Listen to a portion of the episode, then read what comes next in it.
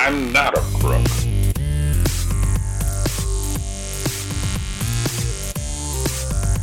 but because they are hard. Hello and welcome to Presidential Death Match. A match, match, match, match, match. That will not become a regular song that we do here on the program. It was a mistake that I have already regretted and that I'm already moving past. Thank you for joining us today. Dennis is still making his way back from Hawaii. And in the meantime, we're looking at recent news. What's been in the news? What's happening in America? Anything that we can connect to uh, historical events in any way? Anything good? Anything uplifting? We we ask the podcast gods for things to talk about this week, and they say, "Have fun." As I'm recording this at the tail end of June of 2022, there's been a lot of upheaval in American politics owing to a slate of Supreme Court decisions and, a little closer to my heart, some party platform amendments. We're not going to talk about the party platform amendments. This episode, unfortunately, it's going to be focused on the thing that everybody is focused on, which is Dobbs v. Jackson coming out of the Supreme Court last week, which will have an effect for sure though what the long term looks like remains to be seen, especially considering that this is an election year. There's going to be a lot of movement, a lot of court cases, a lot of a lot of things, and everyone is going to be unhappy about it, and uh, it's it's going to be consequential. Although I think that there are a lot more consequential decisions from the Supreme Court in the last two or three weeks of rulings than Dobbs v. Jackson, let's not ro rock that boat today and let's go where everyone else is going.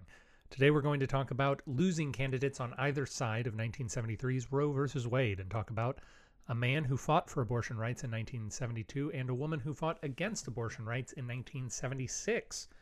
This week on Presidential Deathmatch, we look at the decade that defined abortion rights. How light, how fluffy, how easy. First, we're going to talk about a man named Dr. Dr. Benjamin Spock and his curious run for president. Now, if you're sitting there thinking, Dr. Spock, isn't he that guy who, you're right, he did win the gold medal in rowing in 1924. Well remembered you. Congrats. But no, we, we are actually talking about the man who is synonymous with baby care and convincing parents that they know more than they think they do. He just also happens to be a championship rower and also happens to be, for our purposes, a doomed presidential candidate. Last week we learned about the Peace and Freedom Party, which for a brief moment in the 1970s teamed up with the Human Rights Party, the Liberty Union Party, the New Party, the No Party, and a number of other very minor parties that were regional around the United States to form one of the many, many, many quote unquote people's parties that we've had over the history of our country. And they put Dr. Spock up both times. The People's Party of the 1970s ran someone for president, once as president himself in 1972, and they also ran him as the vice presidential candidate in 1976, which I, I think is the first time that's ever happened, where someone who was nominated for president later went on to run for vice president as well, even in minor parties. What did the People's Party stand for? Well, why don't we hear it in Dr. Spock's own words? Of the labor movement. What we're trying to do in the People's Party is to build an independent political movement, independent of the Democratic and the Republican parties, that we say, with, with justice, uh, are essentially following the same course. Both the old parties are beholden, first of all, to industry. That's why they do industry's uh, bidding first. That's why we have continual interference in the affairs of other nations. That's why no significant start has been made on pollution. That's why we have some of the richest people in the country paying no income tax or almost no income tax, and the poor people being asked to pay for the war in Vietnam by reduced services in health, education, and welfare. I'd first like to comment uh, that uh, there seems to be a similarity, but that our platform goes miles beyond what uh, George McGovern is proposing. But in his advertisement the, in the Wall Street Journal, uh, he called attention to how small the proposals are, and he also from our point of view, most significantly swears his allegiance to the free enterprise system, we say that all the ills of American society that could easily be corrected exist uh, because uh, the two major parties uh, both serve the needs of industry rather than the needs of the American people. See? McGovern gets no love from anyone. While being an anti corporatist party and decidedly against the Vietnam War, the People's Party is the first party of note that I have found which called for legalized abortion. Even the Libertarian Party, which also first ran it, which also ran its first presidential candidate in 1972, wouldn't add an abortion rights plank to its platform until 1974 before removing it in 2022. More on that issue in future weeks, hopefully. Now, the People's Party itself isn't nearly as interesting as its candidate, so we're going to wrap up discussion on the party pretty quick. They formed a coalition of a lot of small parties. It didn't go well. Then they dissolved back into their separate minor parties so that in 2012, the Peace and Freedom Party could uh, fulfill its destiny, nominating Roseanne Barr and protecting the time space continuum. Dr. Spock, though, much like Barry Commoner before him, his life is way too big for the amount of time that I had to research him or the amount of time that I have to tell you about him. But in a way, he's a microcosm on the path of third parties generally in uh, America, or as we might say, he's an example of general good work generally prevailing with an emphasis on both of those generalities. He was an influential doctor and activist, specifically in the area of childcare, and his greatest accomplishment, of course, was undoubtedly coming third place in a rowing competition at the age of 84. The guy loved to row, and I'm glad that he was obscenely rich enough to maintain that hobby throughout his entire life. Some say Dr. Benjamin Spock was made, not born, but he was, in fact, birthed in 1903, and he'd have to wait another 26 years to evolve into his final form of Dr. Spock. His work as a pediatrician emphasized treating children like people, a radical concept at the time, and to establish fair boundaries, clear leadership, and to not talk down to children. Truly, the man was a rabid animal. His work, like many popular doctors, was criticized for being heavy on anecdote and light on research, a claim that is almost certainly true. Here's a thought don't look for the most cutting edge research from celebrities, even celebrity academics. They're talking to the media, that is the skill that they are building, not so much anything else. I'm looking at you, Pennsylvania. Don't fall for it this year. Among Dr. Spock's two biggest blunders were his suggestion that children should rest on their abdomens. Although research from the 1970s suggested that this increased the risk of SIDS, his book kept promoting it well into the 90s. Also, around the 90s, he suggested that children over the age of two should stick to a vegan diet, a claim which would probably kill many people that young, and also be largely unobtainable for the poor children of America, although, of course, due to the good work of people like friend of the pod, Andrew Stout, that may change in the future. Still, his books are influential and rightly so. Many of his ideas have been adopted into common practice. After his political awakening to socialism in the 1960s, he began to hear a lot of criticism from conservatives. Huh, go figure. To those claims, he had this to say. Reverend Peale blamed me for all the lack of patriotism, lack of responsibility, and lack of discipline of the young people who opposed the war. All these failings, he said, were due to my having told their parents to give them quote unquote instant gratification as babies. I was showered with blame in dozens of editorials and columns from primarily conservative newspapers all over the country, heartily agreeing with Peale's assertions. Many parents have since stopped me on the street or in airports to thank me for helping them to raise fine children. They've often added, I don't see any instant gratification in baby and child care. I answer that they're right. I've always advised parents to give their children firm, clear leadership, to ask for cooperation and politeness in return. Since I received the first accusation 22 years after Baby and Child Care was originally published, and since those who write about how harmful my book is invariably assure me they've never used it, I think it's clear that the hostility is to my politics rather than my pediatric advice. Enough about the man's doctoring. Let's get down to what's really important. The man's rowing. I won't uh, stick on this for too long, but he was a lifelong rower and he lived for many years on a boat, which in my notes I misspelled as bore, which was a, a real fun surprise for me as I was reading that right now. Again, congrats to you, Mr. Moneyman Benjamin Spock. In the 1960s, Spock began to get more active in politics. He's got quite a cool quote that's germane to this right now. He said, People have said, You've turned your back on pediatrics. I said, No, took me until I was in my 60s to realize that politics was a part of pediatrics. In the 1960s, he joined SANE, a nuclear de escalation group, and was prosecuted for conspiracy by Ramsey Clark, of all people. Ramsey Clark! Look him up, he's fun. Although convicted of conspiracy, it was overturned on appeal. In 1968, to protest the ongoing Vietnam War, he vowed, along with many other academics, to stop paying taxes. I don't know how that turned out. I imagine that if he actually did stop paying taxes, he would have been arrested. And he wasn't, as far as I can tell. So, so I think he probably signed this petition and then continued to pay taxes. That's just a guess. In 1970, he joined the New Party as honorary co-chairman with Gore Vidal, and this was one of the many smaller parties to briefly become the People's Party. In 1972, he was their presidential nominee, principally campaigning on an end to all foreign involvement overseas, a repeal of victimless crime laws, for which the, the party included abortion, and both a minimum and maximum wage.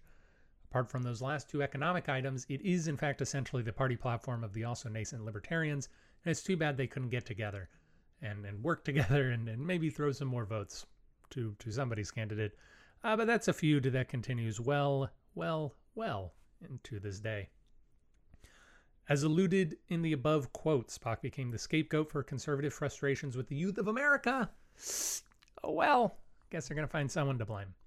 He died in 1998 of being 94 years old. Dr. Benjamin Spock was a man who changed with the times, fought for his beliefs, and continues to be well remembered and influential to this day.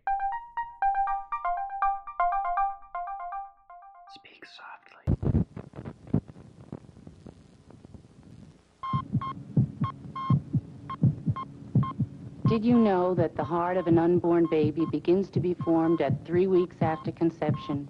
I'm Ellen McCormack, a Democratic candidate for president. Help me to keep these hearts beating. Together we can help both the mother and her baby. It has been argued recently that the main difference between the political contention of today and the political contention of the past is that we're better sorted. That there used to be more liberal Republicans and more conservative Democrats, so that people engaging in tribal warfare would be less susceptible to groupthink because the fights would play out in party platform writing rather than being baked directly into the group ideology. You can see this in FX's Mrs. America, a fictionalized account of the fight over the Equal Rights Amendment, which featured a coalition of Democrat and Republican supporters of the amendment before Phyllis Schlafly's movement managed to capture Republican dissent.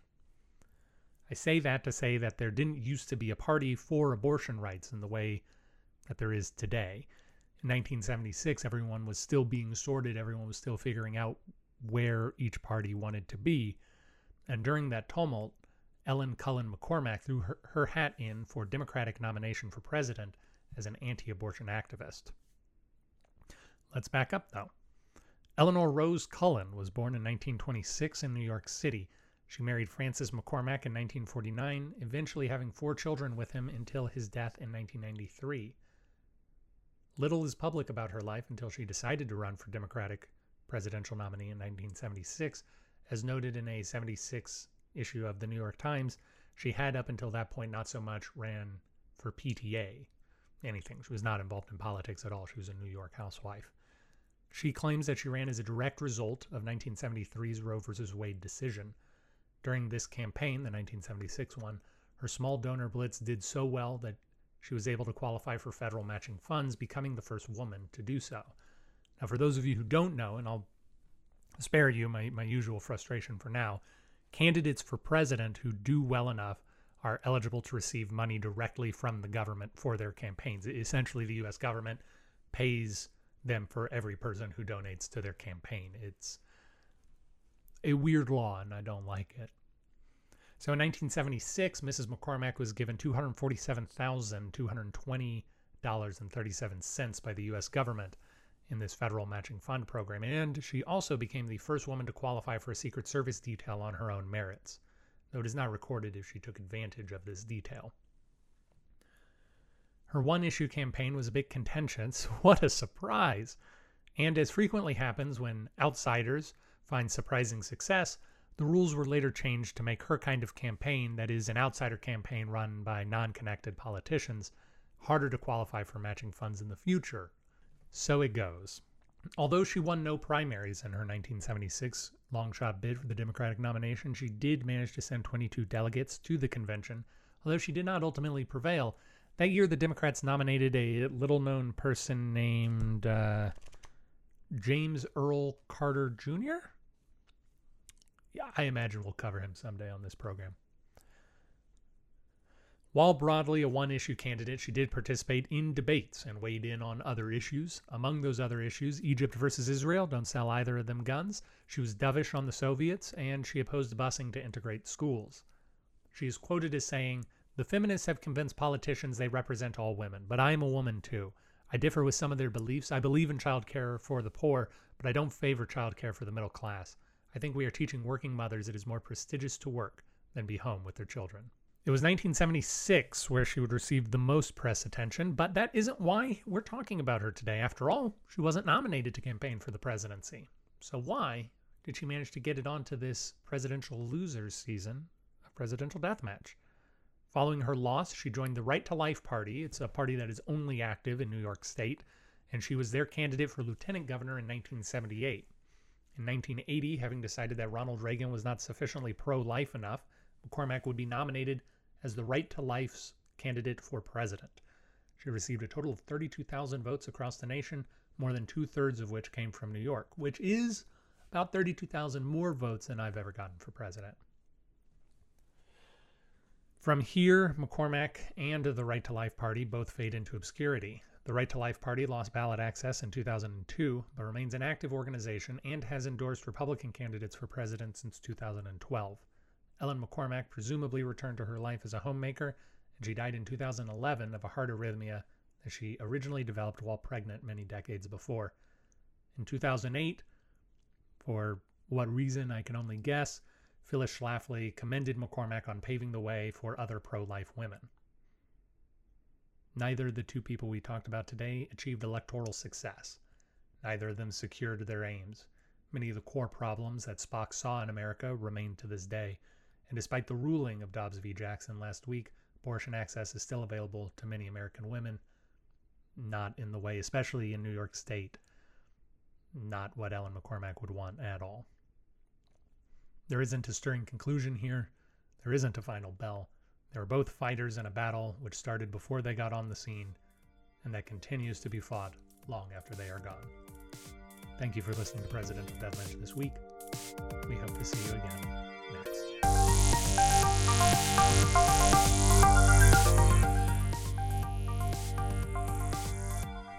Thank you for listening to Presidential Deathmatch. Presidential Deathmatch is hosted by Aaron Garrett and Dennis Buddy and edited by Aaron Garrett. If you like the show, please consider giving us a review wherever it is. You can do that, we'd really appreciate it. If you didn't like listening to the show, well, why don't you come on back and give us another try? We really grow on you. If you want to reach out to us, you can do that at contact at pronoiatheater.com. You can also support the show in a variety of ways, including at pronoiatheater.com slash store. We hope you enjoyed it, and we hope to hear from you soon.